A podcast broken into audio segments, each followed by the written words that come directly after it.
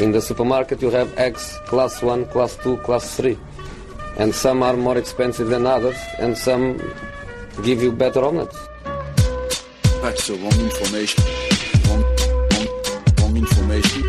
I didn't say that. That's the wrong information. Do you think I'm an idiot? Wrong, wrong, wrong information. Now look at me when I talk to you. Your job is to tell the truth. That's the wrong information. CD-podden sommaren 2018 är här! Eh, välkomna till en ny säsong. Välkomna in i studion Fredrik Jönsson, Kalle Karlsson. Tackar, tackar. Eh, Unai Emery. Han är klar för Arsenal. Presenterad och fin och färdig. Paketerad med en liten röd rosett. Eh, hur är, är era känslor kring den här utnämningen? Jag blev lite sådär underväldigad faktiskt. Ja, jag har förstått att många blev det. Varför? Jag vet inte, alltså det kändes som det fanns två alternativ för Arsenal. Antingen gå på ett stort etablerat namn, Ancelotti eller Allegri. ehm, något av de största namnen liksom. Eller gå på någonting ungt, eh, något lite mer spännande om man ska säga så. Alltså något lite mer oprövat. En Arteta eller en Vera. Eh, nu valde man ju det första spåret och ta något etablerat men då tar man ändå en etablerad tränare som kanske inte har staplat, visst att han vann, att han vann tre stycken Europa League titlar med Sevilla och franska ligan gubevars med ett PSG som är eh, resor bättre än något annat lag i, i det landet. Men det är ändå en tränare som inte har vunnit så vansinnigt mycket och som inte har kanske det CV som jag hade förväntat mig om man skulle gå på det spåret. Det är så jag känner. Jag har följt PSG för dåligt den här säsongen för att prata om hur hur de exakt har sett ut under hans, eh, hans ledning. Men de är ju så pass överlägsna så man behöver kanske inte göra Det, så det mycket för jättes, att, för att vinna den. bedöma Men, liksom. men i Sevilla tycker jag att han gjorde, han gjorde det bra. Eh, Och han har en fotboll som är underhållande och, och, och fin liksom som jag gillar att titta på. Det är fart och fläkt och, och sådär. Eh, och de gjorde det väldigt bra tillsammans när de tog fram de spelarna de, de plockade in där. Jag kan väl tycka att Alltså hade man plockat Ancelotti då så hade det kommit saker i en ryggsäck där. För han har varit i ligan tidigare, ett stort namn, mycket fokus så. Bra på ett sätt för att då blir det mycket fokus på, på managern och kanske mindre på laget när han ska börja. Men å andra sidan så tycker jag att det är fel väg att gå. Jag tycker att man ska göra som han har gjort nu. Eh, lite mindre eh, profilstarkt namn för att han har ju inte liksom det här runt sig som Mourinho har eller Ancelotti. Det finns inte den ryggsäcken från att varit i, i England tidigare och, och de bitarna eller bara väldigt en stark person utåt med, med de citaten som liksom har blossat upp på det sättet som många, många starka personer kan göra. Så där, därmed tycker jag att det känns, eh, känns tryggt för mig. Jag tycker att det är ett bra, en bra väg att gå. Lagom nivå. Jag tycker också det känns spännande. Jag är försiktigt positiv. Eh, jag har inte varit något fan av det här gå på Ancelotti-spåret. Eh, Vi är överens Kalle. Ja, Ja det har inte jag heller ska jag säga. Jag, jag hade gärna sett Arteta till exempel. Ja men vi kan Eh, komma in på det sen då. Men eh, om vi tar Ancelotti, stort namn men eh, kanske på väg ut för.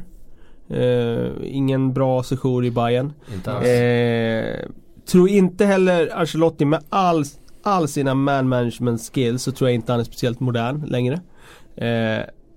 Unai Emery är inte ung om man jämför med Nagelsmann och Tedesco och så vidare. Men han är ändå en, ska jag säga, relativt sett en modern tränare. Och man får ju ställa det i paritet då med vad de har haft tidigare, alltså Wenger. Eh, det är en modern tränare med ett nytänk som kommer in. Det är en tränare som är oerhört taktiskt skicklig. Eh, den typen av eh, tränare som är minutiöst, eh, minutiöst noggrann med detaljerna. Så det kommer bli en omställning, men jag tror att det är det som Arsenal behöver också. Eh, vad hade alternativet varit? Tage Mikael Arteta som varit assisterande tränare till Pep Guardiola, inte har någon erfarenhet alls av att vara huvudtränare. Visserligen har han en historia i Arsenal, vilket inte ska underskattas när det handlar om att få förtroendet eh, och stöd från läktarna. Men jag tycker ju det där är så extremt överskattat det där med att ha en spelarhistoria i den klubben. För det har vi ju sett tidigare att det behöver inte betyda att, att eh, man når några framgångar. Så jag är ju känner mig mycket tryggare med, eh, med valet av Unai Emery än vad jag hade gjort med Mikael Arteta. Även om det såklart hade varit mer kittlande och ännu mer den där känslan av att man vet inte vad man får. Men jag tycker inte det är det som Arsenal ska eh, söka efter utan jag tycker man ska söka efter den här profilen eh, där man har en modern tränare som står för en attraktiv fotboll, som har erfarenhet, som har nått resultat. Och mitt första val var ju Nagelsmann. Men det här är en tränare som har nått minst lika bra resultat men han är inte lika ung som Nagelsmann. Så han hamnar liksom någonstans i det här mellanläget. Han är varken ung eller gammal som tränare. Sen är, 46, väl, 46 år. sen är väl i det skiktet med Sevilla som Arsenal är i skiktet i, i Premier League någonstans. Det är inte den klubben som är har pressen på sig att vinna. Så jag tror att det finns mycket hunger av honom att, att testa något och få lite, lite mer muskler beroende på. Det vet man ju inte med hur mycket pengar de får och så vidare. Men sen är det som Kalle är inne på. Ja, det vet vi väl nästan. 50 Men- miljoner pund har du ju sagt så det, det tycker jag kommer från ganska trovärdigt håll. 50 miljoner pund innan de har sålt spelare. Ja, sen ska vi komma ihåg det som Kalle är inne på med det taktiska. Eh, det man har tyckt att mm, Wenger ibland har saknat när det har varit eh, Champions League-match och annat. Där har däremot eh, Emery varit eh, jävligt duktig. Eh, I, det taktiska spelet i avgörande matcher i turneringar och, och så vidare. Så där, där får man väl något mer än än det man eh, har haft hos, eh, ho- hos Wenger. Förhoppningsvis, det kan ju gå åt skogen också. Men det, känns, det är känslan jag får när jag tittar på eh, hur han är som tränare till skillnad från Wenger. Wenger kan man ju tycka och lite allt möjligt om hans sedan han- negativitet och så vidare i, i vissa matcher där man tycker att vad fan. Eh, och så, så att eh, nej det, det känns väl eh, Och då Bra. blir, det ju, då blir det ju att para ihop honom då med den truppen han tar över efter Wenger och vi var inne på det. 50 miljoner det som bland annat David Ornstein som är ju den journalisten som Kan det inte bli mer då eller mindre? Jag det, Eh, litar sällan på de där det grejerna. kan men, säkert det, bli det, mer. det, det, det är ju en, en rund siffra ungefär. Men det vad som har läckt då från de här förhandlingarna det är det som de har presenterat för de kandidaterna som, alltså det är en siffra som har diskuterats i förhandlingarna med olika tränarkandidater. Men- där är han väl också, eh, han har väl, de har ju värvat in eh, på ett bra sätt gjorde de i Sevilla i alla fall. Då, hade han ju Monchi med sig men alltså där värvade de ju väldigt billigt och gjorde väldigt bra grejer. Så det bör han väl vara ganska van vid. Det är väl inget nytt för honom. Och där har de ju en, en sportchef eh, inne nu som antagligen har, alltså som är varm på den Mm. eh, stolen och har scoutat eh, för att bygga vidare på det här laget som, som redan är. Men siffran 50 miljoner pund Mm. är ju inte mycket pengar för ett topplag i England eh, 2018. Det är ju bara att konstatera och det känns som att tittar man på det här laget så finns det en del hål som verkligen behöver, behöver fyllas. Eh, jag skrev eh, lite raljant på Twitter så här, de behöver fem gånger de här pengarna om de ska kunna utmana om topp fyra. Eh, och det handlar ju dels om att Arsenal har brister men också om att de som är topp fyra i år kommer förstärka med betydligt mer än 50 miljoner net spend den här sommaren och vara bättre än nästa säsong. Så är det. Ars- Ja. Arsenal har ju, har ju redan en uppförsbacke på dem vilket Ja. innebär att Visst, de kanske inte kan spendera mycket men de måste ändå investera i det här laget ordentligt för att de ska kunna krympa det här avståndet och ta sig tillbaks eh, in i eh, Champions League till exempel. Det är bra att de har en taktiskt skicklig tränare då som får jobba med Det är det lite, absolut. lite mindre medel. Alltså han beskrivs ju som en sån där tränare som är helt och hållet hängiven fotbollen och sin uppgift och eh, detaljer, detaljer, detaljer. Långa videogenomgångar. Eh, Ja, det alltså, ju, allt det där som jag tror liksom att eh, det blir en högre kravställning idag Mm. eh, jämfört med vad det var igår. Eh, på just, eller ja han har inte tillträtt än men eh, det kommer vara det kommande säsong jämfört med vad det har varit. Eh, och det, det tror jag kommer att vara nyttigt för den här Arsenal-upplagan. mm.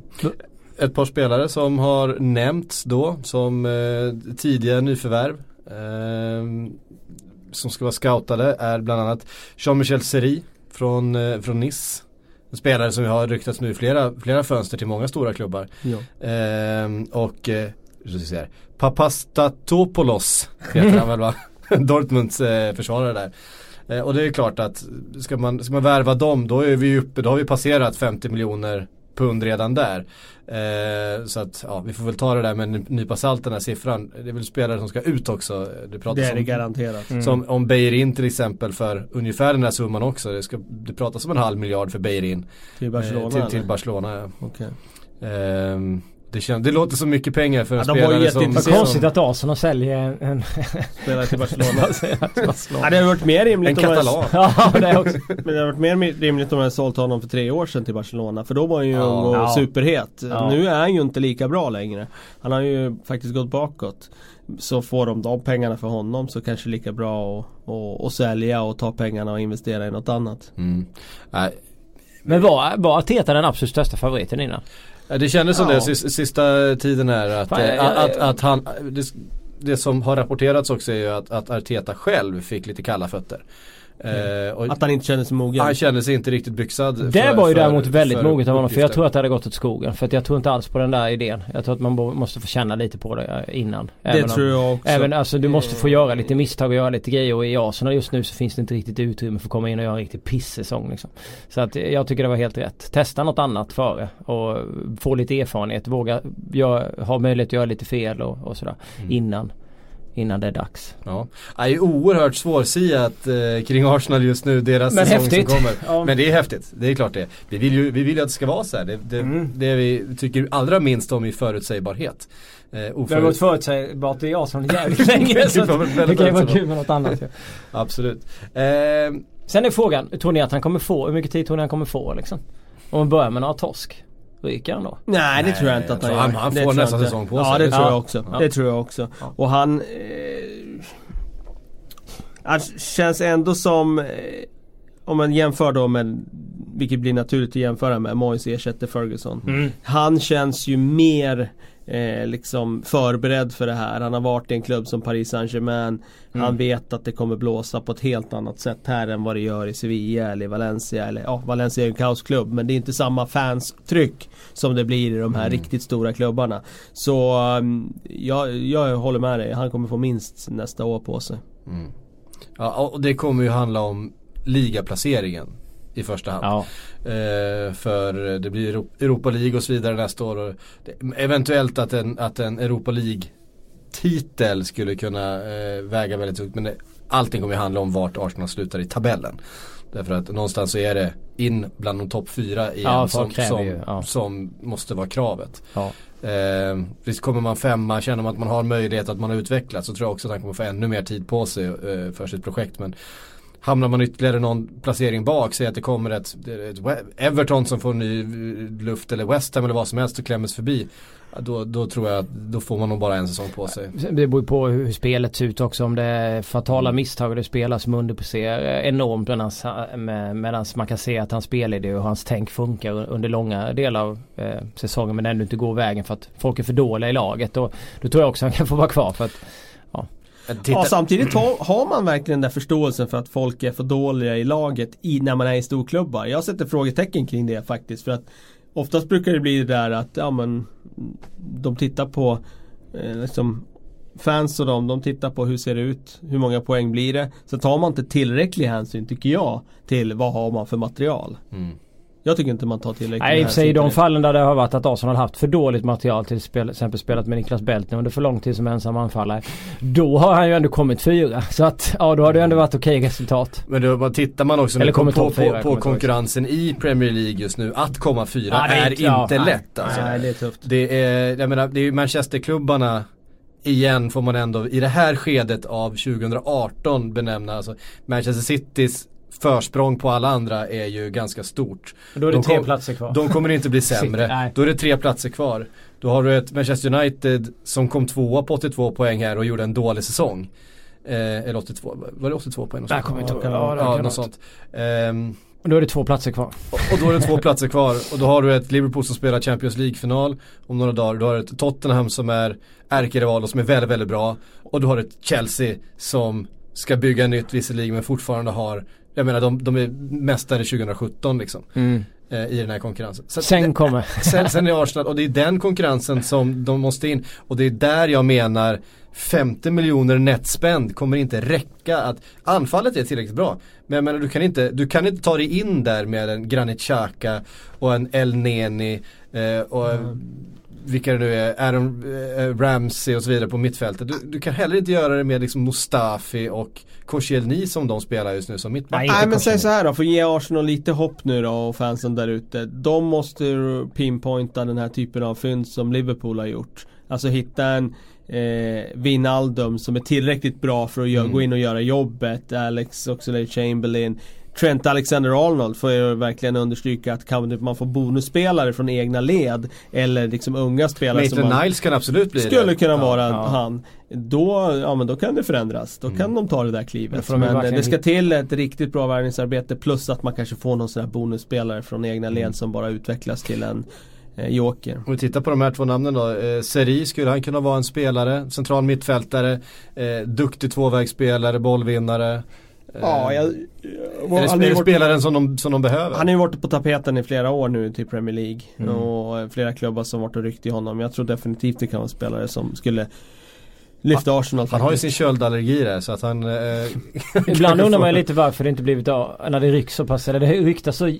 otroligt länge i flera år men det blir ingenting. Nej. Är det för att de som har scoutat honom i slutändan tycker att ah det här Ah det går det inte. finns nå- det kan ju vara det, det finns finns sånt där, men, där, men, men det räcker inte på den här eh, nivån för, för de som scoutar. Eller är det så att klubben är så otroligt svår och inte vill släppa honom. Man må, måste också fundera på det. Jag kan tycka att det blir lite oroväckande ibland när det ryktas för länge och det händer ingenting. Han är kvar, han är kvar, han är kvar. Tänker, alltså, Alltså räcker han inte till eller inte vad det handlar om. Men sen så tror jag att han absolut skulle funka Arsenal. Frågan är bara hur mycket de är beredda att betala. Hur dyrt det är. Och kan man få loss pengar på Beirin och byta dem rakt av så ja. Av det såg jag honom för två år sedan. Jag har inte sett honom så mycket i år. Den här Det var säsongen. fantastiskt. Ja men då var det i alla fall en spelare som skulle gå in och förstärka Arsenal sett till hur deras centrala mittfält ser ut idag. Ja. Japp. Eh, Graham Potter då? Ja. Till Swansea. Wow säger jag bara. Jag tycker det är skithäftigt. Ja. Alltså jag, jag undrar honom verkligen den här flytten. För det har ju varit så länge man har snackat om när ska han få den där chansen i England. Och går det att få ett jobb i England som tränare när du kommer från den här bakgrunden som Graham Potter har. Det vill säga du har inte gått i den engelska fotbollen som är den enda som betyder något om du ska liksom lyssna på de som ska tillsätta tränare där borta. Om du inte såklart kommer från La Liga eller Serie A eller någon av de där stora ligorna. Jag tycker det är jättekul att han nu bevisligen Bevisligen har eh, intervjuats för det här att de ska vara muntligt överens och att han tar det här. Jag tycker det är fantastiskt roligt och han har förtjänat det och jag tror att han är rätt namn för Swansea också. Vi kan komma in mer på det sen kanske. Han är ju taktiskt skicklig, han har blivit otroligt hyllad här i Sverige. Därför ska det också bli spännande att se. Vad kan en tränare som vi har fått se här på nära håll, vad han har gjort här i Allsvenskan, vad han har gjort i Europa League. Vi ska få se vad han kan göra på den nivån. Eh, om de kommer gå- börja gå bra och så vidare. Det är också en, eh, en, en eh, liksom sexig grej tycker jag och plocka in där. Då ser man liksom om det vissa gör i Sverige skulle kunna kanske funka utomlands. Alltså man får lite, man kanske får lite större tro då. Eller så funkar det inte alls och då och man får ju känsla... är ju inte, alltså Championship är ju inte den Nej. taktiskt mest skickliga ligan i Men jag tänker mig att han Europa, går upp med dem och så Jag tror se. att han kommer Ja. klara sig väldigt bra där. Ja, Ja. det är ju en jävligt hård liga. Ste- Steg, steg ett om du hamnar i Championship, värva Cameron Jerome. Ja, precis. Och släpp lite på taktiken och bara kör. Och så fort du går upp därifrån, sälj honom. Ja. Jo men där får man ju verkligen se när han kommer upp med, om, om man går upp med dem, att ta över dem och gå upp med dem, då får man ju verkligen se vad, vad han går för där uppe alltså. Cameron Jerome och Phil Bardsley vill du gärna ha i backlinjen också. Så kan bara smacka ner den i korridoren. Ja, nej bara fullt, fullt ställ. Det finns ingen, inget utrymme för passningstrianglar i, i Championship. Eh, Och det är väl kanske det eh, Någonstans så lyckades han ju ändå göra det i en annan, lite brunkig liga som allsvenskan eh, ändå är Mm. eh, på sina håll. Etablera ett nytt lag med en positiv fotboll Mm. eh, och ett, att gå upp med ett spelande lag så som han gjorde i allsvenskan med Östersund. Det är inte heller speciellt lätt ska man ju komma ihåg med de Nej. resurserna att få Och spel. de planerna som jag har med, de, med de planerna, med de och mycket konstigt. spelarna han har haft tillgång till. Att få Ja. dem att spela på ett sånt här sätt och, att, och göra det framgångsrikt. Att, att göra ett vinnande lag utav det. Mm. För det är klart, vi har ju sett lag komma upp och försöka. och ändå spela rolig fotboll och sådär och åka ut direkt för att det, det, det funkar bara inte. Ehm, så att, nej, Men eh, jag tror att han kommer få ehm, liksom tid och förtroende att göra det i Swansea. För de har ju sett att det funkar tidigare där. Mm. Det var ju så de spelade när de gick, eh, gjorde sin resa upp från fjärde divisionen. Och jag tror att där kommer det finnas en enormt liksom, stöd från fansen att gå tillbaka till den typen av spelförande modell. Och därför tror jag att han kommer få så himla stort förtroendekapital här. Även om han misslyckas de första matcherna. Det kommer inte Ja, bli något tryck nej. på honom såvida de har gått tillbaka till det som är Swanseas DNA. Så därför tycker jag att det har hela tiden varit det där. där liksom han har placerats i andra klubbar i, i England här nu de senaste åren. Liksom, när någon klubb eh, behöver ny tränare, om det Stoke och så vidare så placeras hans namn i samband med, med den posten. Men det har inte varit lika intressant som just det här Swansea. För att det är där som jag tror att han får verkligen tid och utrymme att göra sin grej. Men Frågan är om inte de kan komma, gå tillbaka till det här stabila, fina och homogen, alltså eh, härliga Swansea som det var en gång i tiden. Och det kändes så välskött och Som tryggt. Brendan Rodgers eh, och, och framförallt kanske Roberto Martinez eh, Ja. byggde upp från början. Eh, Men då var ju hela det. klubben på rätt, Mm. rätt väg och det kändes så stabilt runt det. Så, så har det ju inte varit sen. Nej men de har ju nya ägare nu också, Ja. amerikanska ägare och där får man nog säga att det har skett en del utanför planen också som Mm. gör att den stabiliteten är nog svår att återgå till som det var som rådde när Jävligt de synd gjorde faktiskt. resan uppåt. Verkligen synd. Det var ju väldigt fint för. Men ja, Ja, det på det. planen kanske han kan få det att se bra ut. Ja, det, och sen får han ju bygga eh, klubb här. Alltså det, det handlar ju inte bara om att släcka bränder utan eh, Swansea är ju definitivt så bra. De är inte i en situation som, som Sunderland var när de åkte ut att det var liksom miljonskulder, alla du vet hörn skulle kapas överallt och det bort med alla spelare som tjänade för mycket och eh, spelarna själva trodde inte på, på projektet, de brydde sig inte på planen och så vidare. Den känslan får man inte alls från Swansea nu. Eh, det här är ju inte ett lag som kommer åka ur Championship. Det här är ju ett lag som kommer förmodligen vara med i toppen och slåss om att ta sig tillbaka. Ja, slåss, och slåss om att ta, ta sig tillbaka och kunna göra det samtidigt som man bygger nytt. Det finns eh, liksom en så pass bra stomme i det här laget. Eh, beroende på hur mycket de tappar då liksom eh, i sommar och så vidare. Men det känns som att men man kan ha en Martin Olsson kvar i Championship. Eh, I Premier League kanske han har för stora brister men i Championship är han ju perfekt liksom med all Jag tycker inte han har för stora brister i Premier League heller. Jag tycker han ofta är nyttig på sin kant även i Premier League. Så att Mm. får de behålla honom så är det bra. Sen är det klart att spelare som Fabianski, bröderna Ayew, Key, Mm. sådana kommer bli svåra att behålla. Alfie Mawson utgår jag från kommer säljas. Och det är Ja. klart, då får man in ganska bra med pengar som man kan spendera på andra spelare. De- Det jag vill tillägga också, det är ju att Swansea var ju faktiskt smarta här när de gick upp och fick in lite pengar på spelarförsäljningar. Att de la ju faktiskt en ansenlig del av de pengarna på att bygga en egen ny träningsanläggning. Och den är ju väldigt modern och väldigt, väldigt bra. Så han får ju bra förutsättningar i form av en bra träningsanläggning nu. Och det tror jag är en sån grej som Graham Potter värdesätter väldigt mycket. Ja det blir en annan verklighet eh, och, och träna en sån här förening mot att göra det i Östersund. Det finns lite andra eh, resurser och förutsättningar. Det är, helt plötsligt kommer han till ett företag med typ tusen anställda och eh, sådär. Så att ja, det är, blir spännande att följa. Östersund då? Är det, är, tar sagan slut här? Hej då.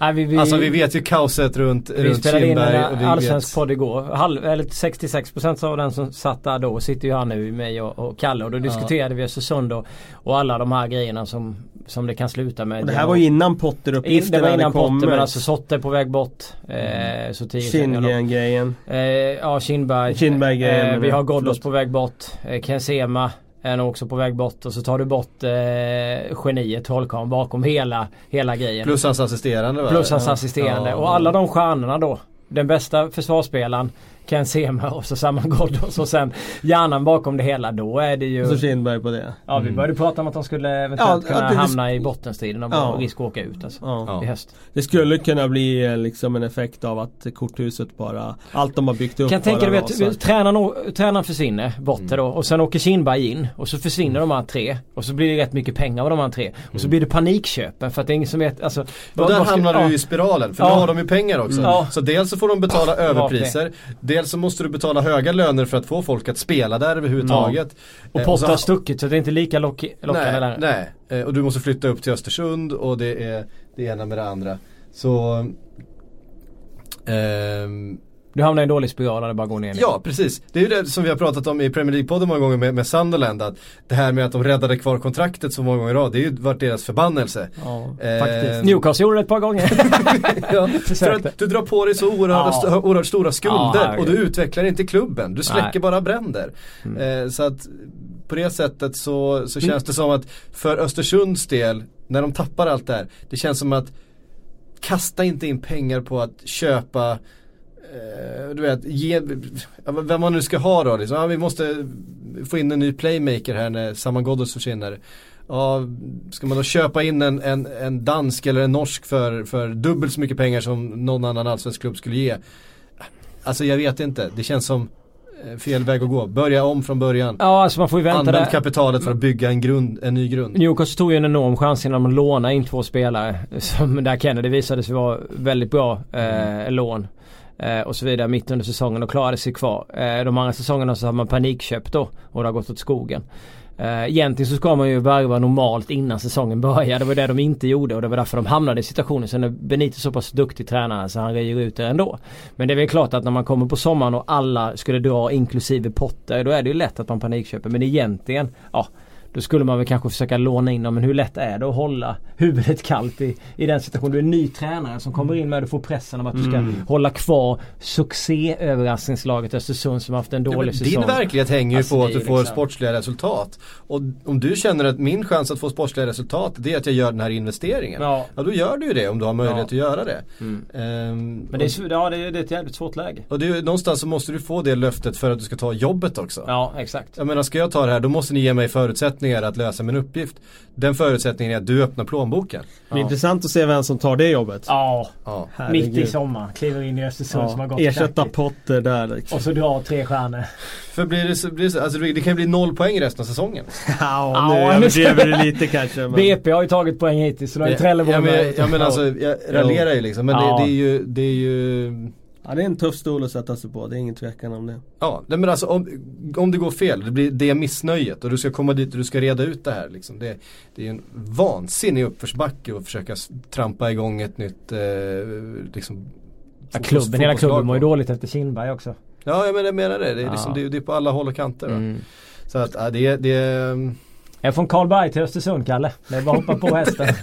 ja, du Ja, får tro det. Du får handla du, för du, 15 får, du, får, du får en årslön på 2 miljoner. Eh, du får 20 miljoner att handla spelare för direkt nu. Direkt. Då är det, det är väl klart du tar det för en årslön på två mille. Nej. Va? Fan, det är, det är för riskabel stol att hoppa på alltså. Jag säger det, det, det är inte lätt att locka dem. Det är inte lätt att locka För dem. två miljoner? Det är vad, det är vad som ska- kommer krävas för att Ja. någon ska ta det där. Om du inte har någon väldigt eh, äregirig, Sen kanske går till England igen. Hittar något nytt fynd där. Mm. Får se. Plockar in David Moyes. Alan Pardew. Han kan pendla från Västerås. Exakt, där har hade du jag det! ju blivit korre i Östersund. Shit, hänga med Pardew. Käka lunch varje. Sam Allardyce. Men honom får man inte för några två miljoner. Nej, det får man inte. Nej, Hörde ni vad han fick eh, för halvåret han gjorde i Everton? Nej, vad fick han? Han fick alltså 6 miljoner pund i lön shit, och så fick han ytterligare 6 miljoner i bonus. Så han, 120 miljoner för honom. ja, för det halvåret. Eh, Ja, i är det Everton. 6 miljoner kronor? Nej, 6 6 miljoner... miljoner pund. Ja, men i bonus var det Ja, 6 ja. miljoner pund. Det var 6 plus 6 miljoner. Herrejösses alltså. Ja. Det är helt sjuka pengar ju. Det är 140 miljoner. ja. Big Sam, han är fan- inte Alltså, den billig. sämsta värvningen jag investeringar jag har talat om nästan. Ja, han är inte gratis, Big Sam. Men han eh, kom ju in och räddade, ja, han gjorde sitt jobb. Han klättrade några placeringar i tabellen i alla fall. Förflyttade laget en liten bit längre ifrån läktaren. För 140 mils. Alltså herregud. Eh, och det var ju vad Everton var beredda att köpa ut eh, Marco Silva för i, i eh, Watford tidigare under säsongen. Så det kanske var den pengen då. Köper man spelare för Eh. en, vad var de, 1,4 miljarder eller vad gjorde de? Ja. Sålde Eh, väl för närmare i och för sig de sålde Lukaku men. Ja, för halva det. Ja. Så eh, har man ju väntat in då nu för nu verkar det som att eh, Marco Silva ska ta över Everton. Eh, inom kort här. Så att de fick sin sin gubbe i alla fall. De gick, plus, de gick plus minus noll då. De fick betala eh, Allardyce lön eh, istället för där, att köpa ut honom. Så eh, Fan vilket mycket bortkastade pengar. Jag blir nästan förbannad när jag funderar på det. Alltså. alltså, är Eh. Big Sam. Ja, han, är, för- han är för rolig. Eh, vi har några andra tillsatta tränare. Pellegrini till eh, West Ham. Ja det känns ju verkligen superspännande tycker jag. Och det är för att West Ham har ju i ganska många år famlat lite efter sin identitet. De vill ju ha en identitet av att spela offensiv fotboll och det har väl varit lite si och så det där med tanke på att Big Sam har varit där och det har varit andra eh, eh filurer där som kanske inte har bjudit på den fotbollen som man har velat ha. Pellegrini står ju för en väldigt offensiv filosofi och han har dessutom vunnit ligatitlar i, i England så att eh, det är ju, tycker jag, ett otroligt bra namn för en klubb som West Ham. Alltså han har tränat Real Madrid, han har vunnit Premier League-titel med, med Manchester? City. Ja, det behöver inte vara långsiktigt. Det är ju bara att staga upp skepp, skeppet nu som är det viktigaste. Så att eh, efter, den här, efter den här säsongen. Mm. Mm. Du tänker en tvåårsperiod? Treårs? Någonstans där? Ja, så. Mm. Ehm, Pellegrini till West Ham, Marco Silva till Everton. Det som var intressant här om man pratar Unai Emery, att det kom ju uppgifter om att West Ham hade ju också Emery som ett av sina alternativ. Men de fick ju inte det Eh. alternativet de ville ha högst av allt. Nej, det var ju Benitez. Ja det är självklart därför. Eh, men då finns det ytterligare spekulanter på Benitez nu då under sommaren. Så Nej, nej, nej, nu, är det, nu får du liksom eh, hålla i det här för att eh, Zenit Sankt Petersburg Oj. har gjort eh, Rafa Benitez till sitt första val. Efter att det verkar då som att eh, Seri, Seri Sarri. Sarri. Nu Inte jag- Seri. Nej, jag läser Seri samtidigt som jag ska säga Sarri. Det är hopplöst. Napoli. Eh. Na- Napoli Sarri. Ja. Som ju har lämnat eh, jobbet. Eller, där, eller vad säger jag? Allardyce nu är det Ancelotti. Ancelotti. Eh, Allardyce Ancelotti. De är, De ska köra ihop. ja för fan. Big Sam och... Skulle man inte vilja sit, skulle man inte sit- sitta en, en pokerkväll med Allardyce och eh, Ancelotti? Eh, det skulle väl vara mysigt. Bara en sån här, en sån här fyra timmars sittning och Jag bara vill alltid snacka, ha med snacka skit Mourinho med om det ska dem. vara manager. Eh, Ancelotti har tagit över eh, Napoli, det är bekräftat. Och eh, Sarri ska vidare. Det handlar väl om Chelsea i första hand för honom. Ja, eh, men jag tänkte vi skulle spännande. komma dit. Ja. Eh, för Zenit Sankt Petersburg eh, var också där och hörde sig för. Det lät som det var på gång. Vi har väl inte uteslutit det heller men nu har det mer låtit som att det är Rafa Benitez de är ute efter att göra till sin tränare efter att eh, Paolo Maldini lämnat eh, sin post där. Oh, mycket tränare, mycket karuseller och rotationer här. Eh, kan eh, eh, Var var jag någonstans? Ja du pratade om eh, Rafa Benitez Ja, och Zenit. eh, kan Ancelotti ta vidare Sarri-boll i Napoli? Det känns, Ja, det känns, som att tungt för dem det att känns ju Sarri som att han kan försvinner. utveckla det mer. Eller? Det känns som att han kan bibehålla det som finns Ja. jag säga. Exakt så har jag upplevt honom som tränare. Att han är väl en sån som förvaltar det som finns. Och gör alla på bra humör Frihet och så under vidare. Ja, mycket frihet under ansvar. Jag, är jag har svårt att se att han skulle utveckla det vidare. Och med det sagt så tror jag kanske lite kommer att gå förlorat också. Ehm, automatiskt. Men sen har de haft en bra säsong. Eh, Det är ju inget snack om saken. Så att de kommer väl säkert eh, tillhöra toppen av Det serien. kommer de ju säkert göra. Men jag tror som, som jag sa, jag håller med, vi är inne på samma linje. Jag tror inte att Napoli kommer utveckla sitt spel något mycket mer. Frågan är om det går att utveckla det så mycket Nej, mer. De det har nått det extremt långt på den banan när det handlar om att spela passningsorienterad fotboll och offensiv filosofi och spela sig ur situationer och så vidare. Jag tror inte man kan, just nu här och idag kan man inte ta det så mycket längre. Men kanske blir mer vinnare men det handlar väl mer om kanske motståndet i, i CA i Juventus än att man själv ska eh, prestera ännu högre. Men Ja. det, det kanske men det- det blir intressant att se vad som händer med Juventus. När, nu är det bara en spelare men den spelaren är Buffon längst bak i målet. Man vet aldrig vad som sker där och så vidare i den ligan. Mhm. Eh, mm, mm, mm, mm, mm. Lite spelare då som ska byta, byta klubb. Du, sa, har- du, kom, du kom aldrig in på Sarri till Chelsea. Jag kommer inte in på Sarri till Chelsea nej. Eh, vi kan väl ta den också. Den är ju med, den som är längst ifrån att vara klar känns det som. Det har kommit, Verkligen. inte kommit så mycket uppgifter om det. Det är mycket spekulationer. Eh, ett tag pratades det om att eh, Conte och Sarri skulle byta plats med varandra. Nu blir det. ju inte så eftersom Ancelotti tar över eh, Napoli. Eh, Conte är ju fortfarande kvar i Chelsea. Det är inte säkert att han lämnar heller. Det har ju känts så under hela säsongen att det här är Mm. hans sista år. Han förlängde framförallt inte sitt kontrakt när han skrev ett nytt kontrakt utan han fick bara mer pengar. Det känns ju inte som de firar jul ihop heller liksom. Där. Nej och jag vet inte. Conte känns ju som en, en eh, lite jobbig, inte jobbig men, men, men eh, Krävande. En krävande, en väldigt väldigt intensiv, Energikrävande. väldigt intensiv människa. Eh, och det är liksom som att de är nog färdiga, det känns som att de har varit färdiga med varandra. Mm, Eh, faktiskt. Så att, någon ska väl in där och eh, Sarri är ju jättespännande efter Ja. det han gjorde med framförallt Napoli. Nej men absolut. Eh, och då handlar det också om man måste ju hålla kvar i Eden Hazard till exempel. Ja men jag tror att han skulle ju med tanke på det, vilken fotboll Sarri står för så tror jag att chanserna skulle öka och, och få behålla honom faktiskt. Det skulle ju passa Hazard som handen i handsken. Fantastiskt. Ja, skulle ja, det är ju ingen, det är ingen som spelar mer Sarri-boll än Hazard. Som bara, bollen bara sitter där. Små fina ytor, fina fötter. Det är sånt han, sånt han gillar. Eh, så vi ska inte spekulera så mycket i det eh, kring vad som kommer in där. Men det är klart att kommer Sarri till, till Chelsea, det ska in en ny satsning. Då kommer det också plockas fram den stora plånboken. Men de, har- de har väl en hyfsad eh, trupp som funkar men den fotbollen har de inte det? Chelsea?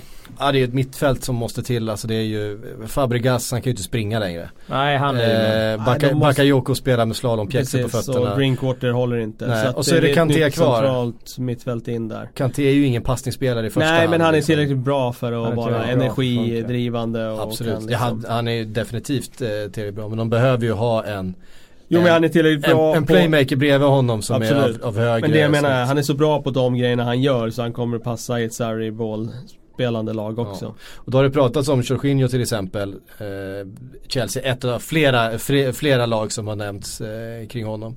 Eh, och det är ju precis vad de skulle behöva bredvid en Kanté då.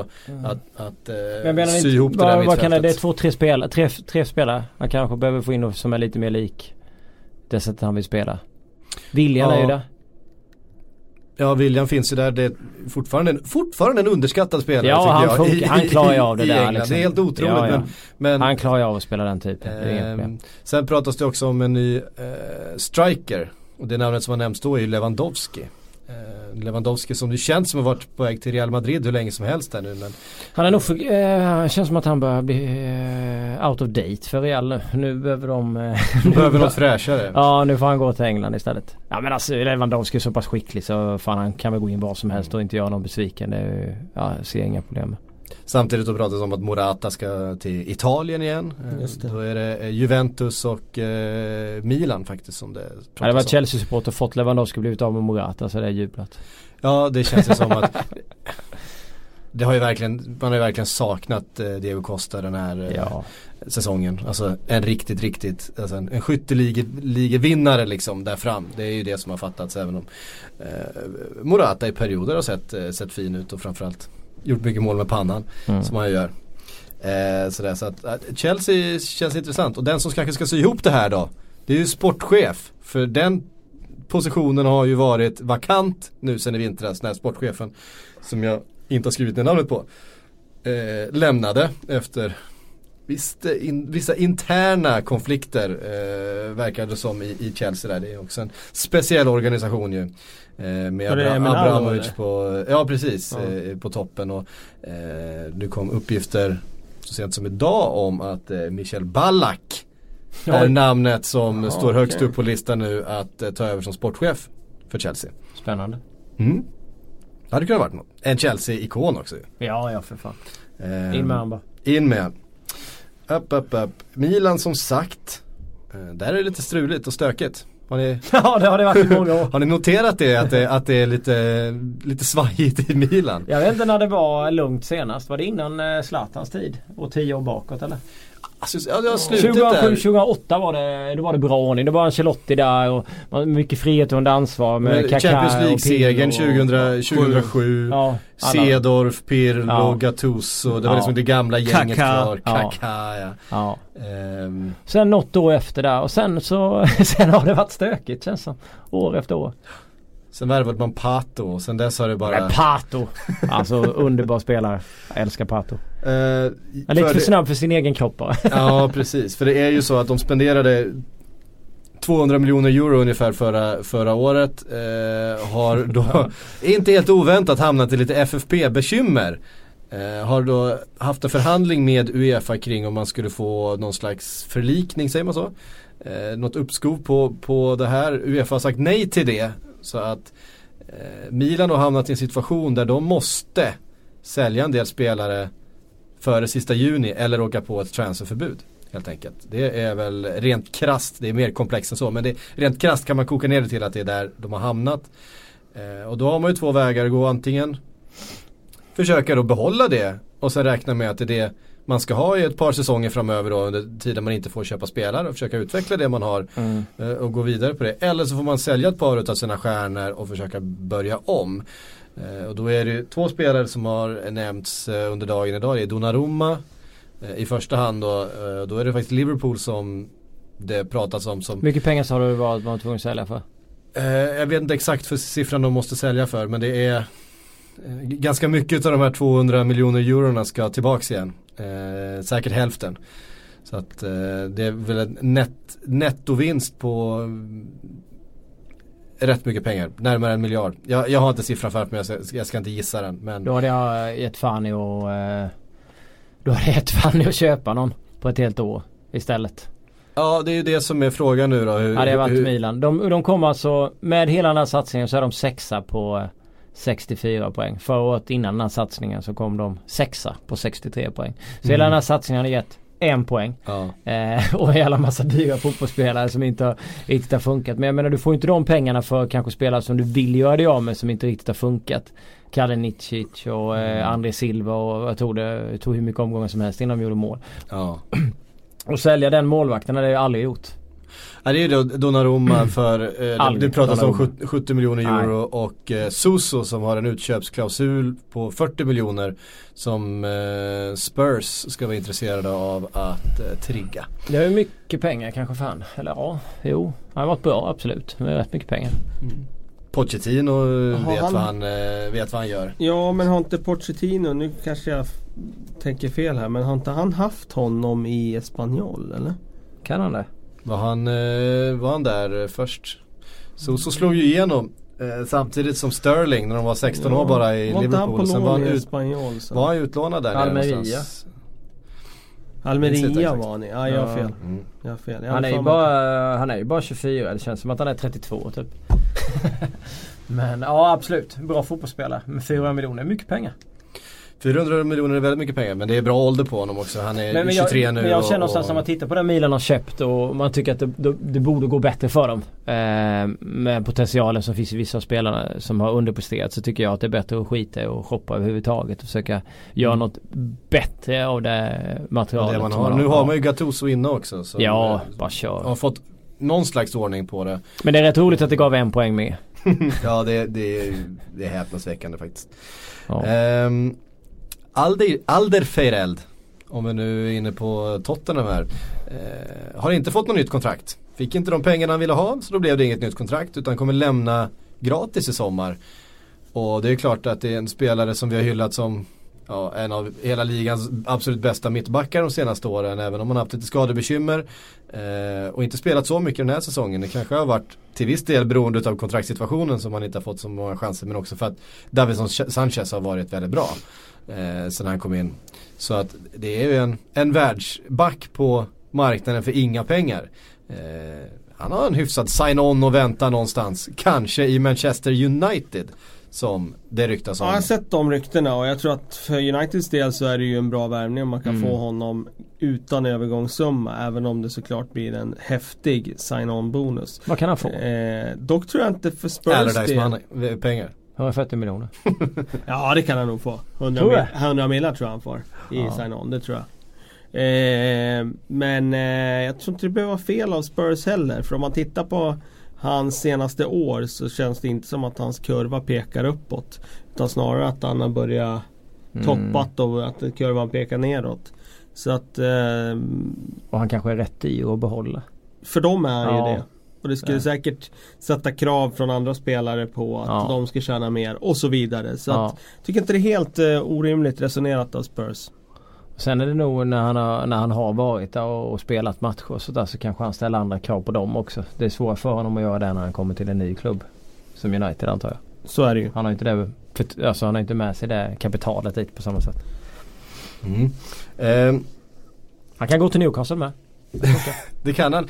Ja, Newcastle som eh, kanske ska då värva Fernando Torres. Vad säger ja det är bara att plocka in. Eh, har varit det fantastiskt. Är, eh, Han och, eh, han och Andy kan komma nu i sommar. Det har varit gött. en Torres som ju också är kontraktslös. Eh, Det börjar Benitez med att plocka Torres, då kommer Jimmy Traoré och då kommer Steve Finnan och då kommer ju Igor Biskan och hela gänget. liksom. piskan. Ja, Vladimir Smisel Ja. håller i... eh, Vladimir. Ja.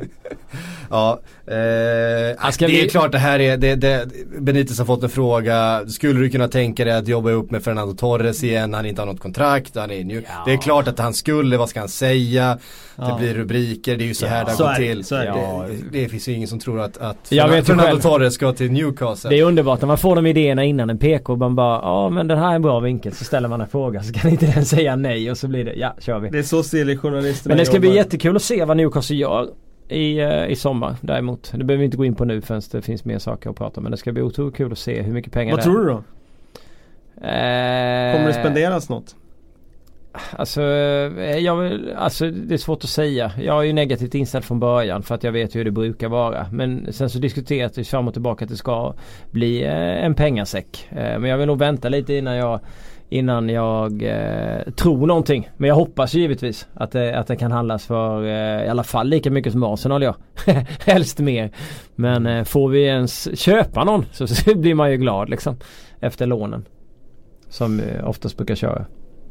Eh, ja, eh, en spelare som eh, antagligen kommer eh, vara het i sommar är också Justin Kluivert. Patrik Kluiverts grabb.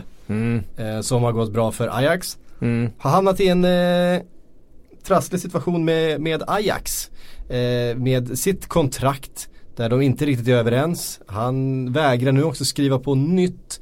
Vilket har öppnat upp spekulationer kring att han ska vara på väg att lämna. Han säger själv att han egentligen inte vill lämna.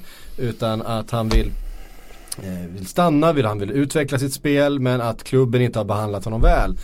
Eh, Han understryker att det inte rör sig om pengar.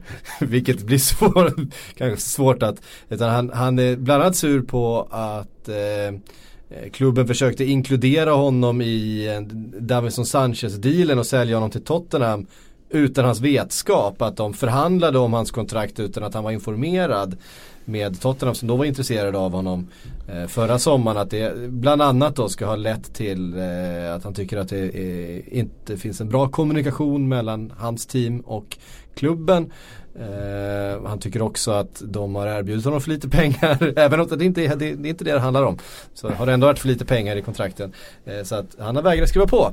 Och har också uttryckligen sagt att eh, ja, jag kan tänka mig att lämna om det inte blir bättre här. Eh, helt enkelt. Alltså eh, han är 19 bast. Han har Mm. gjort 10 mål i holländska ligan. Holländska ligan som inte idag är i närheten av vad holländska ligan var förr i tiden. Han har en pappa som borde ha mer vett att säga till sin son ett och annat. Jag tycker att det där är Ja det, det kan vara liksom eh, så här tråkigt om han har blivit liksom lite förbisedd där i, i någon deal och sånt. Det är väl lite synd om honom men jag Ja eh, Jag tycker det är Står det inte Arsenal i pannan på honom? Är inte det en typisk Arsenal-värvning? Han ska inte flytta på sig nu ändå som jag ser det. Jag Ja, tycker han är oerhört korkad om han... Ah, två år ska jag säga. Han spelar fortfarande i holländska ligan. Och är 19 år. Jag tycker det känns som en Arsenal-värvning. Ja, om två år kanske. Men just nu så tycker jag han bara ska skriva på det han har där. Eh, hyfsat bra. Knipa igen och spela. Ja, knipa igen och spela och prestera. Sen så kan det, det är inte så att den familjen kan ha lite pengar. Det har svårt att tro. Så att han liksom behöver bo på gatan eller ha något dåligt. Han hinner tjäna sina pengar. Det, så, det ska man komma ihåg. Är man tillräckligt bra så får man det man vill i, senare i karriären. Så är det bara och då kan man tjäna sina pengar. Så Ja, det, det, det märks att du har, du har snackat mycket med agenter alltså. Du har det jo där. men alltså man blir så trött när folk flyttar för tidigt och håller på att ställa massa krav efter liksom För det här och det agenterna här och de det. är väl sugna på att tjäna pengarna snabbt men motvikten till det måste ju vara att Ja mana och det är därför till jag lugn. tycker att eh, pappa ska säga till honom att stanna kvar här nu, utvecklas, vi skriver så här och så här och så här och så får vi se. Är du tillräckligt bra så kommer du kunna hamna i de klubbarna. Se på mig, se vad jag har spelat liksom. Kom Mm. igen alltså. Alltså det, det är vad man tycker. Jag ska bara säga det att jag hade lite fel, jag var tvungen att kolla upp det lite fel Al Rice Det var 9 miljoner pund han fick för de sex eh, månaderna han, han eh, var Nio- där. In, in, in, 12. in, inte 12. Så, så Ja men ändå 100 mille. 100 millar eh, kostade han för Everton för, för de sex gnistrande månaderna eh, på Goodison. Eh, ja, så är det. Han hade, alltså, han hade ju alltså då en årslön på 6 miljoner. Eh, vilket är en av de högsta år, årslönerna för en manager någonsin i, i Premier League. Eh, Bara det att han förhandlade sig till det i det skedet, skedet med, med Moshiri, eh, Evertons ägare. Det säger någonting om att Moshiri inte riktigt har koll på allt här i världen, tycker jag. Fy fan vad de kastar bort pengar i England alltså. Egentligen om man tänker efter. Det är helt sjukt. Alltså. Ja. Eh, onekligen. Jag känner mig negativ just nu. När vi är inne på kontrakt och vi är inne på kontraktslösa spelare så är ju det här kanske hela veckans eh, snackis. Gigi Buffon till PSG. Ja den såg man inte komma riktigt. Nej det gjorde man inte men det ryktes ju vara ganska nära nu. Ehm, Jag kräks lite. ja, det- Jag tycker han kunde avsluta sin karriär där. I Juventus. Men det är hans val och han har bara en karriär han tyckte väl att han, han ville väl vinna någonting när han slutar. Fantastisk målvakt. För han har inte vunnit någonting i Nej exakt exakt. Nej men, Men, men samtidigt sådär, jag måste säga också, jag försvarar honom lite för han är inte en one club man. Alltså, Nej. Man kanske ser honom som det för han har varit i Juventus så länge men han eh, startade ju faktiskt karriären i Parma. Han var världens dyraste målvakt eh, under han köptes, jättemånga ja. år. Ja, Liksom. jag såg första matchen. Och, och därför tycker jag det ger honom lite mer egentligen mandat i att faktiskt flytta vidare. För att jag menar, hade han varit one club man, han spelar hela sin karriär i Juventus, det hade varit en annan sak tycker jag. Ja, för mig är det ungefär samma sak. För han har ju varit där i hur länge som helst. Hur många år är det vi pratar om? 20... När kom han till... Ja men det var 2000 va, eller 2001 tror jag han värvades dit. Ja, Mm. så det, det är 20 år ungefär. 2001. Och jag känner lite att, nej, jag tycker att han antingen kunde ha stannat kvar eller så kunde han i så fall ha popspelat lite i MLS eller någonting i så fall för att göra något annat. Men eh, PSG, nej, eh, det känns inte bra för mig. Ehm, Men Det ingenting handlar ju om. FFP för PSG för de, Ja. de, de måste ju hålla i plånboken nu efter förra sommarens vansinneshandlande av både Neymar och eh, Mbappé. Ehm, Men sen så känner man ju Det någonstans, i och med att man gillar Buffon så mycket som man gör Så känner man ju eh, någonstans att han får en frisedel att göra lite vad han vill För att han just är Buffon.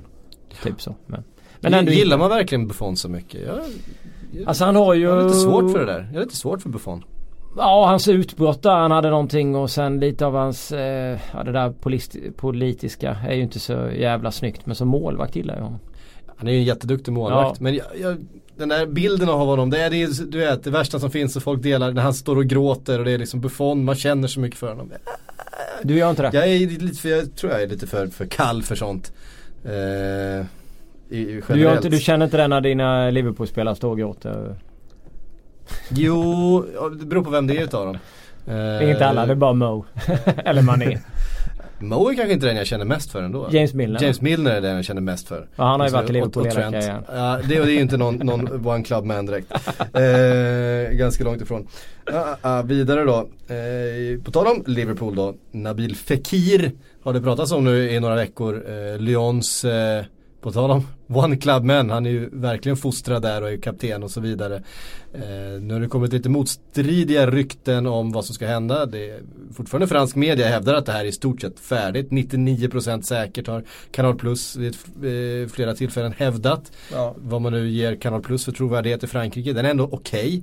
Ja. Ehm, och eh, flera andra och det har ju också då med att göra att det är Gerard Houllier som är liksom rådgivare till, till eh, Nice eh, styrelse och till Nice fotbollsorganisation på något sätt. Jag har inte exakt koll på hans, hans roll där men han är inblandad på något sätt. Det är han som då ska ha medlat den här affären mellan klubbarna. Han är ju fortfarande en stor figur för Liverpool. Eh, 700 miljoner pratas det om. Nu gick Nice ordförande ut och sa att Ja nu kvalificerar oss ju till slut för, för Champions League. Han vill, ju spela, han vill ju spela Champions League med sin klubb. Jag har inte själv pratat om, om, med honom om det men jag vet att han vill stanna. Och den klubben som ska köpa honom måste verkligen betala mycket pengar. Eh, den där typen av uttalanden som att det blir inte billigt det här. Och ska kra- kräma ut eh, någon extra hundring. Du menar Eh, Lyon kanske. då? Ja, Lyon. Eh, Men 700 är väl helt okej? 700 för Nabil Fekir. Ja det är klart att de ska ha, vara nöjda med det. Ja. Så, så mycket mer kan man inte få tror jag för, för liksom, den typen av spelare i franska ligan i, idag. Det blir annat om du köper från någon av topp 4 ligorna. Eh, Jag tror också att de vet att det här är ju Coutinhos ersättare då. Att, Ja, så är det Liverpool har, har, har pengar. Så att, eh, jag tror man kan ta, alla, alla, alla, ta till alla trick i boken för att få ut så mycket som möjligt. eh, Jag tror inte det landar på så mycket mer än 700. Det tror jag inte. Nej, det, det känns som att det är någonstans. Jag tror att de är rätt överens. Det är som det har rapporterats om är att så fort Champions League-finalen är avklarad eh, så kommer man sätta sig ner och göra den här förhandlingen. Då kommer också det första officiella budet komma. Ja, Jag tror att man vet ungefär. Vad är han? 24-25? Vad är han? Jag skulle Ja. gissa på det. Ja, något Ja. sånt. Ehm, och det är ju, spelaren är ju väldigt lik Coutinho egentligen i sin spelstil. Man kan ju både spela anfallare och Han mittfältare. ett och bra så. en mot en. Ja. Ja. Gör mycket mål också. Mm. Det blir ju ett, dribblings, eh, ett dribblingsorienterat mittfält där om han ska spela bredvid Naby Keita. Men de tänker Eh. honom då i en tillbakadragen roll där som eh, liksom ner på mitten där. Det är inte i en ytterroll eller... Jag tror att de ser honom som, precis som Coutinho var, att han dels kan vikariera i fronttrean det. när Men det behövs.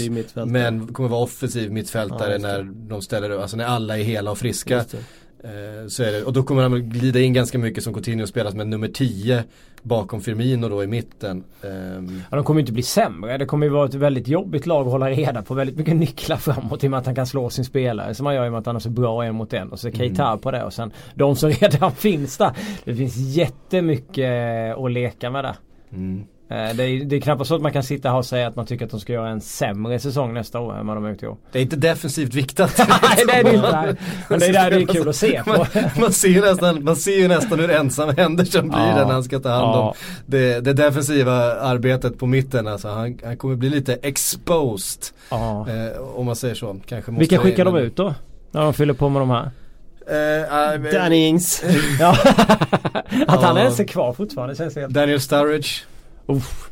Åh tänk Danny Sturridge och Fernando Torres till Newcastle. Det hade varit något alltså. Båda två de sitter och masserar varandra i Ja sjukstugan. det hade jag gillat. Oh, oj, oj, oj. Eh, Ja, herregud. Uh, dragkampen om Martial då. En spelare som eh, vill lämna eh, Manchester United efter den här säsongen. Eh, kom ju inte med i Frankrikes VM-trupp vilket jag tror gjorde ont i honom. Eh, och det är ju på grund Ja. av att han inte har fått spela så mycket under Mourinho. Det är på grund av. Mourinho. Rakt Eh, av. Jag tror att han är eh, jättetrött på den situationen han har där han känner att han är ung, han har, så, han har en fantastisk karriär framför sig som inte kommer igång så länge han är i Manchester United. Släpp för han fri. konkurrensen är för tuff där helt enkelt. Det är ju, det som Sanchez är ju, det är ju hans position nu. Det är Ja. ju inte mycket att göra. Sanchez är bättre. Han har Ja. ju inte viktat sitt lag Mourinho för att han ska få ut så mycket av Martial eller sitt spel. Han har Liksom. inte, han har inte byggt laget runt Nej. Martial, det har han inte Ja, men alltså det är bara att flytta på honom. Han har så mycket potential. Han har sett fantastisk ut i vissa glimtar. Man bara har sett honom liksom. Jag har tänkt på det de Mm. gångerna han har hoppat in. Jag var ju på plats några gånger så några Champions League-matcher då när jag skulle träffa Vigge och man ser honom hoppa in och utmana en mot en och sticka liksom den farten. Och, och så det är en jättefin spelare. Men ser, alltså, jag, jag, ser, jag ser ju en, en Sarri komma in till Chelsea, få in eh, Martial, spela Ja. Martial och Hazard tillsammans och Ja. jävlar vad de ska dribbla, dribbla upp folk på läktaren där alltså. Ja, nej jag tror att eh, oavsett var han går Martial så tror jag han har en jättechans att verkligen få den där, det där trampolinsprånget Ja, upp till nästa nivå ja. alltså för att han har så mycket i sig. Och jag tror att Manchester United gör ett jättemisstag att släppa honom. Men som sagt har man José Mourinho som tränare så finns ju risken att han misshandlar några eh, missförstådda genier. Men alltså, det har-. Salah. Salah, ja, Martial. Ja men det, alltså det känns ju så liksom att han skulle ju kunna komma, han har ju den nivån i sig. Så känner man, eller potentialen att, att kunna äga matcher och äg, vara så liksom briljant i en liga som De Bruyne och Salah är Mm. eh, på sina saker. Det har han ju också. Så att frågan är vad han kostar. Vad gav de 600 när han kom? Något sånt ja. Det var Typ sista det var- minuten-värvning det- Sista minuten värvning. Det var väldigt mycket klausuler i det där Ja, just kontraktet. Så att jag tror att grundpriset var lite lägre kanske. Ja, 500, Men hamnar 500 inte- miljoner och sen så var inte det en sån kille liksom någon annanstans än i Premier League? Blir det inte så om, någon ska köpa honom så vill de skicka honom till typ PSG Juventus eller, typ, eller- eller något sånt liksom. Det är, eh, Mycket möjligt. de som Ja. nämndes i den här eh, senaste artikeln var då Chelsea, Juventus och Tottenham. Ja okej. Eh, och Tottenham skulle ju också ha en plats Men det där. känns väl- eh, jag känner ju- Till vänster för, Verkligen. för eh, Ja. Men för vill honom. de betala Jag skulle kunna se honom i Real Madrid också. Kanske inte... Hey, I'm Ryan Reynolds. At Mint Mobile, we like to do the opposite of what Big Wireless does. They charge you a lot, we charge you a little. So naturally, when they announced they'd be raising their prices due to inflation, we decided to deflate our prices due to not hating you. That's right. We're cutting the price of Mint Unlimited from $30 a month to just $15 a month. Give it a try at mintmobile.com slash switch. $45 upfront for three months plus taxes and fees. Promo rate for new customers for limited time. Unlimited more than 40 gigabytes per month. Slows. Full terms at mintmobile.com. Ja, faktiskt Ja, det till nästa säsong. För att eh, jag tror att Ronaldo kommer att eh, formeras om till ren striker nu. Central. Ju äldre han blir. Central. Ja. Eh, och då finns det en plats till vänster där. Och då skulle de kunna, om de inte får de spelarna de verkligen vill ha. Neymar typ. Ja men då skulle de kunna Då kan de faktiskt göra ett klipp. Då kan de göra ett klipp också. Eller Salah. Det det är ju ett klipp att köpa honom. Jaha ja absolut. Han måste ju gått ner i värde efter att han gick till. Ja, det skulle jag Nej det tror jag inte. Nej för sig men Alltså mar- mar- mar- mar- det. marknaden har ut- det. utvecklats men jag Det menar kommer kräva hur mycket som helst fan. Tror jag. eh, antagligen. Jag vet inte vem man har som agent. Inte jag heller. Eh, säkert någon Men, man, men om ni ser på hans utveckling så tycker ni egentligen att han ska vara billigare än när han kom? Eller? Nej, Eller inte det med var tanke på, det var ju ett, det var ju ett vansinnigt överpris Ja, på honom när han kom. Vad hade han gjort i Monaco då Ja, jag liksom? ger mig, jag ger mig. Eh, inte sådär värst mycket. Men det är samtidigt, man ser, när han kommer med fart in från kanten in i straffområdet, då vet, det är ju målchans eller straff Ja, jag tycker liksom. han är det är världsklass. Varenda, varenda gång Så alltså. att eh, sett till det och hans Ja, ja. egenskaper och potential då ska han kosta betydligt mer än 500 Ja. miljoner tycker jag. Ja, Om Fekir kostar 700 så ska han också göra det. Ja, ja det, Men jag menar ingen miljardkostnad för honom. Som... Nej det tror jag inte det blir. Nej det blir det nog inte nej. Nej. Sen är det också så här, är man så rik som Manchester United är så har man ju alltid det emot sig i alla förhandlingar. Ja så är det ju. Det är liksom så här, nej men okej då, vi, vi, vi betalar inte mer än så här. Ni behöver ju inte, alltså de behöver ju inte Nej, pengar. Alla nej. vet ju att det är liksom inget desperat att de måste ha ut den där sista Så 100, är det ju. 100 miljonerna. Eh, så att det blir alltid jobbigt i alla förhandlingar åt båda håll. Ja, de har ju aldrig För sålt en spelare vad jag kan komma på för en hög summa. Ronaldo. Ja fast det var ju inte en hög summa. Ja, det var ju, Det värld- var, det var, ju- världs, det var ju världs- världsrekord. världsrekord. Ja men jag tyckte då att det var en låg summa. Mm. Och det har ju visat sig efteråt att det var ju Det är ju den bästa värvningen som har gjorts de senaste 15 åren i världsfotbollen. Ja. Köpa han för 80 miljoner pund Det var ju gratis sett till vad han har gjort för klubben. Ja, verkligen. Och Verkligen. hur mycket pengar de har tjänat kommersiellt på honom. Ja. Ehm, undrar hur mycket Everton får för Wayne Rooney då när han lämnar för Washington. En backläsk. Precis, lite koner och västar till träningsanläggningen. Nej, nu var vi, nu var vi elaka mot den gamle Wayne. Ja, Det är klart att han eh, ska åka till USA och avsluta där. Det är klart Ja. han ska göra det. Det tycker jag är, är, så, han är ju helt för rimligt. ung för att avsluta, det är ju det som är problemet. Men han är ju färdig, han började ju så tidigt, det är ju det som är grejen. Ja, han är, är han 32? Han är född i oktober 85. Oktober 85 så han fyller 33 då. Ja. i- i Fantastiskt. höst. Han har gjort så otroligt mycket för eh, en, eh, ja, Mm. en supporter som har följt ligan liksom. Och där han har uträttat. Sen har det varit lite tråkiga år på slutet. Men, Men det är eh, klart han ska åka till USA. Ja, han det passar ju perfekt där Ja. borta. Han och Zlatan kan hålla på vara på stora billboards där borta och sälja ja. läsk. Får hoppas att han gör lite bättre klubbval. Att det blir lite bättre för en klubbvalsmässigt än vad det har gjort, varit för Zlatan. Ja, Han har ju precis. nått botten i, eh, i MLS verkligen.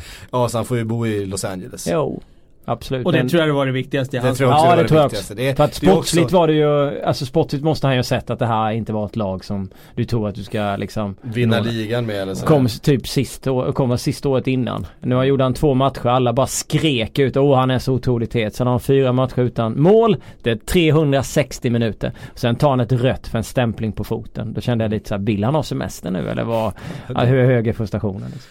Eh, kan vi inte utesluta Nej. att han eh, hade andra planer. Han ju åka till VM nu Han hade och andra planer i helgen. Han behöver ju ha sin vanliga semester nu till att- Okej. i Ibiza nu. först, Så att, eh, så att eh, det var nog taktiskt. Jag tror det med. Eh, Grishman då?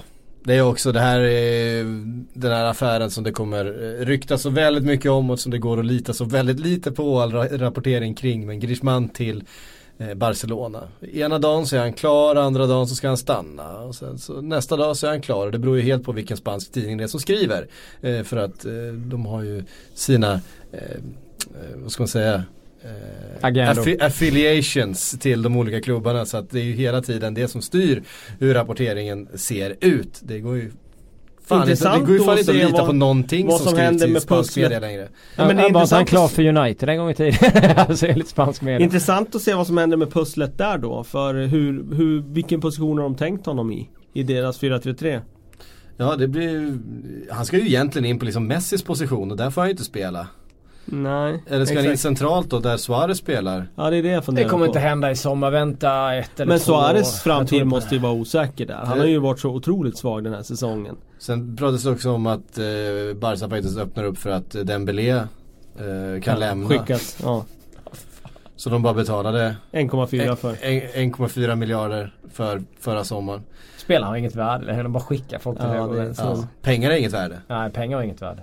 Så att eh, det här med om spelare, om en spelare är för dyr eller för billig eller sådär. Vi kan nästan sluta fundera på det för att det, de bryr sig uppenbarligen inte längre. Eh, Fan är inte det jävligt sorgligt? Ja, det är ju, någonting är det. Hörru, eh, tiden springer på här. Eh, vi har fått en massa frågor också. Vi tar ett par Kör. stycken i alla fall. Eh, Hampus von Platen undrar, vem blir årets överprisade VM-värvning? Vem blir årets James Rodriguez? Eller, eh, eller Hadji Diouf? Ja det kommer ju, det det är ju alltid en sån going som kommer upp. ja, har vi någon, eh, någon, någon Det är svårare att se, det är lättare att se en runda in i VM. Då, när man får den, då kan man ju verkligen ta en. Att han har varit bra nu, han kommer vara bra hela gruppspelet och så går han för. Renato Sanchez eh, för två år sedan i Ja, EM. det. Ja, Det är ex- klart att det kommer vara någon sån spelare. Ja. Men vem det är, det är så otroligt svårt att säga innan. Ja. Jag vet inte, jag kommer inte på någon. Men det är precis som du säger, efter en Ja. omgång in då kan man Ser man någon liksom, du vet såhär någon i... eh, Någon som har toppat formen helt enkelt. Ja, som är sjukt. Inte ett lag som Victor nödvändigtvis går, ja men inte nödvändigtvis går så långt heller utan det kan bara vara att han skiner i gruppspelet sen bara bam. Absolut. Ola Toivonen. Ni garvar. Ja, Ja det gör vi, det gör vi. Victor. Ola är ju bra i landslaget. Lozano som jag pratade om. Ruben Lozano. Han blir det. Mexiko. Mm, ja, varför inte? Eh, Lukas Larsson undrar, eh, vart hamnar Sergej Milinkovic Savic? Lazios Ja, guldklimp. Ja, spännande. kul. Han har ju en poten- Han har potential att bli bra i VM men han har också potential att han, han, fortsätta vara bra sen. han, han, har ju, han har ju redan varit bra Ja, under hela den här säsongen i Lazio. Eh, Manchester United är det som det har pratats Mest om ja. mest om hittills. Och det är klart att det är jättespännande en sån spelare under Mourinho in på det mittfältet. De kommer bli rätt svårslagna. Eh, säg att de får in en Alderweireld på gratis och sen kan de lägga ganska mycket pengar på Milinkovic Savic. Säljer Martial också för de pengarna. Bara lägga in dem på Savic istället. Ja och så, så lägger de allt på en vänsterback. Eh, behåller Luke Shaw som, får, som får putsa skor hela nästa Åt säsong. vänsterbacken som De har ju bara fyra vänsterbackar typ i truppen i Luke Shaw, eh, Blind, Ashley Young, Darmian, du har Rojo som kan spela där, fem stycken. Ja, Men det behövs en till. Jag håller med om det att behövs, det behövs en till. Jag håller med om att det behövs en till. Ja, så är det. Eftersom Mourinho inte verkar förstå att Luke Shaw eh, potentiellt skulle kunna vara lösningen så behövs det en till. Eh, Erik Engstrand undrar på vilka positioner och vilka spelare behöver Everton värva för att kunna vara med och nosa på topp 6? Alla höll jag på att säga. Ja och de spenderade oerhört mycket pengar förra sommaren. Eh, typ mest av alla. Ja. Eh, De har ju en trupp som alltså är inköpt för lika mycket pengar som Bayern Münchens. Det Men Ashley Williams och Jagielka är ju trötta. Ja de måste ju Så bort. det måste ju in en Michael, rejäl... Ke- Michael Keane var ju en flopp. Ja, en rejäl förstärkning är ju mittförsvaret. Mittfältet tycker jag väl ser okej ut men sen måste du in en riktigt bra striker. Eh, Cenk Tosun gjorde det ju bra. Ja. Så det är klart att visst man skulle kunna satsa på honom då. Men då, då skulle jag vilja ha Beroende på om man ska spela med en eller två, då skulle jag ha en riktigt bra ytter istället. Och du behöver bättre yttrar än kanske Bolasi och Ja, en Eh. riktigt bra till där. Ja.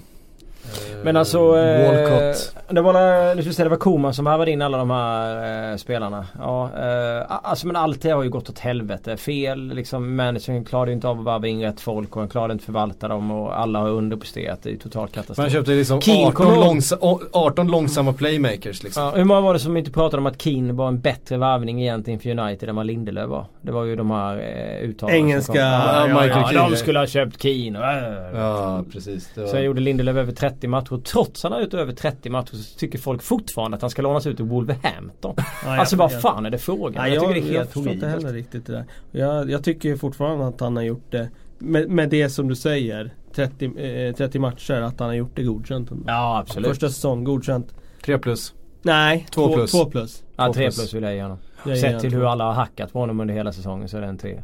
Men eh, just Everton är ju allting.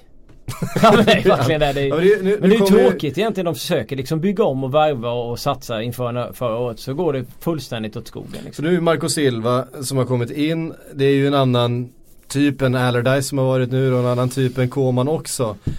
Eh, en, en tränare som är van vid lite mindre resurser om man säger så. Eh, Jo det är klart att det finns potential att få ut från de spelarna som de värvade. Om man spelar på annat sätt och vis och sådär. Men Mm. det krävs ju ändå en del rotation. Tycker jag. Det känns ju ändå lite sådär, jag menar, som vi är inne på yttrande, det är som Theo Walcott. Har inte han gjort sina, Känns som 2011. det känns, det känns väldigt 2011 ja. Fast han är ju han är fortfarande 22 år gammal. ja det är Eh, ja, nej, det, får, det, det är svårt. Svårt tycker jag. Martin Tengvik undrar, vad händer med Rakip och vad borde Lindelöf göra? Lindelöf ska stanna kvar i Manchester United. För eh, han har spelat som sagt över 30 matcher där och han är en av de mitt, mittbackarna som har spelat mest. Inte mest i Premier League för den tror jag är Phil Jones som inte jag har helt fel sett till antal matcher i Premier League. Jag tror bara han spelar Premier League, ingenting i Europa. Jag vet jag gick igenom det där när det var 5-6 omgångar kvar. Eh, så för mig, eh, Lindelöf ska vara kvar, det är inget snack om saken. Eh, är hånfullt att skriva artiklar om att han ska lånas ut till, till Wolverhampton. Gällande Rakip så, eh, ja alltså han var ju på väg till Crystal Palace innan han hamnade i Benfica. Känns det som. Det var därför han sen lånades ut till Crystal Palace. Och anledningen till att han lånades ut till Crystal Palace det var, jag tror bara att det var liksom en sån här hybris grej av att ja, får jag spela här så kanske jag kan hamna här och då får jag spela i Premier League och det är en stor dröm. Jag får ändå inte spela i Benfica för de, de har liksom inte plats för mig för de har bara ligan kvar. De hade åkt ut i kuppen alltid så de hade ändå ing, de hade inte någonstans att kunna lufta honom. Och han ville inte lånades ut till en portugisisk klubb så han tänkte att då satsar han på Premier League och får han spela där och kanske göra det bra så skulle han kanske till och med enligt han då tänkas få en möjlighet att testa i landslaget. Det stora landslaget. För att han var ju ändå med under januari-turnén. Nu blev det noll sekunder speltid. Mm. Och ja, nu ska han ju bara borta till Benfica eller lånas ut igen men ja, till en portugisisk klubb. Han har ju ingenting att göra i Premier League liksom. Nej, jag har svårt att se honom ta plats i Benfica också. Ja, Om jag ska vara riktigt ärlig. just nu rakt av så efter att inte ha spelat ett halvår så, så tror jag inte att han tar det heller. Erik Tektor undrar, eh, vilka svenskar tror ni kan få lukrativa erbjudanden efter VM? Emil Forsberg. Ja, definitivt. Och Eh. han har ju redan fått dem egentligen. Ja. Alltså, Sen det blir det svårt för Ralf Rangnick har ju varit ute och sagt att eh, han stannar.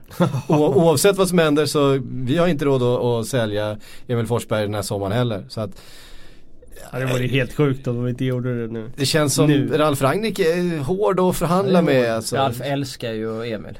Det, Ja. Jag har varit och hälsat på Emil åtta gånger. Totalt för gjort olika knäck till, till Sportbladet. Så att jag har snackat med honom en del gånger och varje gång jag, vet, man träffar Ralf och pratar så här så han är ju, han avgudar honom och han kom ju i ett läge till klubben när de låg i andra divisionen Ja, också. Och han har liksom varit med på resan. varit med hela resan upp och ja. Det, han har ju ett värde så betyder liksom på det sättet. Sen har han ju inte krånglat och hållit på och gjort sig svår heller. Som, som typ Keita gjorde under, kapade. under, under, vissa- under vissa perioder och sådär. Vem, vem, liksom. var- vem var det han, vem var det han höll på, alltså de fick bära av en tränings Eh, en träning i somras när Keita ville till Liverpool. Han, han bara lackade ut på en, på en eh, träning och, och fullständigt sänkte lagkaptenen. Eh, I... Eh, Oj. Oh, nej, det kommer jag inte ihåg. Nej det var, Men- det var, men så, så, sen var det någon som, tror jag- så var det någon som då av en händelse då och- råkade få det på video så det spreds över hela nätet så här, Naby Keita bara fullständigt helt oprovocerat stämplar ner lagkaptenen på en träning så. Sen så bara för att avrunda Emil. Jag kommer ihåg när han blev utvisad så stod jag och sa eh, i något, eh, i något tv-program här om att eh, agenten skulle göra allt i sin makt för att kunna få honom därifrån. Och jag tror absolut att agenten kommer försöka få Emil därifrån. För att jag tror att Emil innerst inne vill testa något annat. Eh, absolut. Varför skulle man inte vilja spela i liksom någon Premier League-klubb eller i Italien? Men med det inte sagt jag tror absolut efter att Hassel, Huttel lämnade så tror jag att Emils å andra sidan möjligheter och chanser och vilja att stanna i Leipzig höjdes. För att om man tittar på hur han har spelat den här säsongen så har han inte använt sig den eh, Alltså till vänster på mittfältet där han gjorde sina 22 assist utan han har ju vandrat vänster, höger, ibland centralt. Och det har gjort att, för att Broma kan inte spela till höger och då har det blivit att Emil har fått spela till höger för att han ska kunna spela till vänster. Och det har inte riktigt varit så bra för eh, honom. Plus att han har haft skadan där. Så att jag tror att, att Hasselhuttel åker det har att göra med Ragnik och jag tror att det kan ha att göra lite med hur han formerade laget. Det ökar nog möjligheten att Emil stannar. Men jag tror innerst inne att han vill testa någonting. Det känns ju förra sommaren som att han eh, han var ju han mogen var rätt då. sugen då. Han var Ja. rätt sugen på att gå, han var mogen för det. Men då kände jag så här, kan vara bra att stanna ett år bara för att det är VM-år. Mm. Så att det inte blir en Ja. pannkakaflytt och sen liksom Absolut. komma fel in i det. Men den här sommaren ska han ju gå. Mm. Alltså allting, alla liksom stjärnor tycker jag. Men den lilla, lilla, lilla detaljen han där av att Hasselhuttel åkte. Det tror jag kanske ökade möjligheten att han stannar Åh, kvar. Men han är i den där åldern nu. Jo, jo men innan han det, så innan då så var jag helt Vem, vem tar över då? Ja det vet jag inte. Men just alltså själva grejen, jag håller med dig om att han ska gå och allting ligger där och han, och han vill göra det. Men jag tror att den lilla möjligheten, eller den lilla grejen där. Eller lilla grejen men att de sparkar, jag tror att det ökade möjligheten. Men vad vill Hassan? Agenten? Ja. ja, men jag tror att han, det är klart att han vill göra, han vill göra roliga affärer. Han vill ju liksom eh, skapa både det ena och det andra. Så jag tror absolut att han eh, vill få honom någonstans. Han vill väl ut och sitta vid de stora förhandlingsborden? Ja men det tycker han är kul. Ja, det tror jag också. Han har ju... Vem hade inte velat det om man nu var fotbollsagent och hade satt på en sån guldklipp? Det är klart man vill ut och sitta. Ja, och vem, det är klart att när Emil Forsberg summerar sin eh, karriär och han ser att han spelade 10 raka år i RB Leipzig istället för att testa att spela ett I år. Liverpool Ja, eller i Liverpool, någonting. Sevilla, Ja. eh, Madrid eller Nej, vad det fan är klart nu som Så det är klart tusan han ska byta klubb. ja, så sätts ju inget snack om saken. Alltså det är det ju inte. Eh, och jag tror att eh, absolut, nu ska de få barn också men det, det, det stoppar ju inte honom från att byta klubb. Det kanske passar ännu bättre att göra då. Börja Mm. om på nytt med barn någon annanstans och så. så att, Flytta från Östtyskland. mm. Eh, Sillypodden, premiären avklarad. Känns det gött att vara igång? Ja absolut. Eh, matigt och trevligt. Jag tycker nästan att jag var lite negativ ibland men, men det blev så kanske. Kalle har, ger oss ett fint ljus. Ja, Kalle ska tillbaks till privatspanar. Eh, Nu ska vi lösa Palmemordet. Sverige ska lösa Palmemordet. Eh, men ge, mig, ge mig en plus på, eh, hur många plus var fo- eh, Filters artikel idag? 3 plus. Den tar eh, Palmeutredningen eh, något steg framåt. Det kommer fram nya fakta som inte var kända tidigare. Men det är knappast lösningen på mordet. Eh, de hade behövt mer konkreta grejer på vapnet för att det skulle varit riktigt kittlande. Men det är ett digert journalistiskt arbete som har gjorts som ligger bakom den här artikeln. Så jag ger den ändå 3 plus. En bättre säsong än Lindelöf gjorde i United då. Eh, jag ger den 3 plus. Får vi en lösning på Palmemordet under Sillysommaren 2018? Under vår livstid så tror jag att det kommer komma fram eh, lösningen på ett eller annat sätt. En, eh, ja, det, ingen kommer ju ställas till rätta för det, det tror jag inte. Men eh, jag tror att det kommer komma fram en, en eh, lösning som kan anses vara trovärdig. Tillfredsställande. Ja. Precis. Tack för att ni har lyssnat. Vi är tillbaka nästa vecka igen. Hej.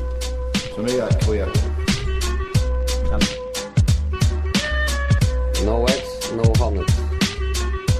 For me, that quit.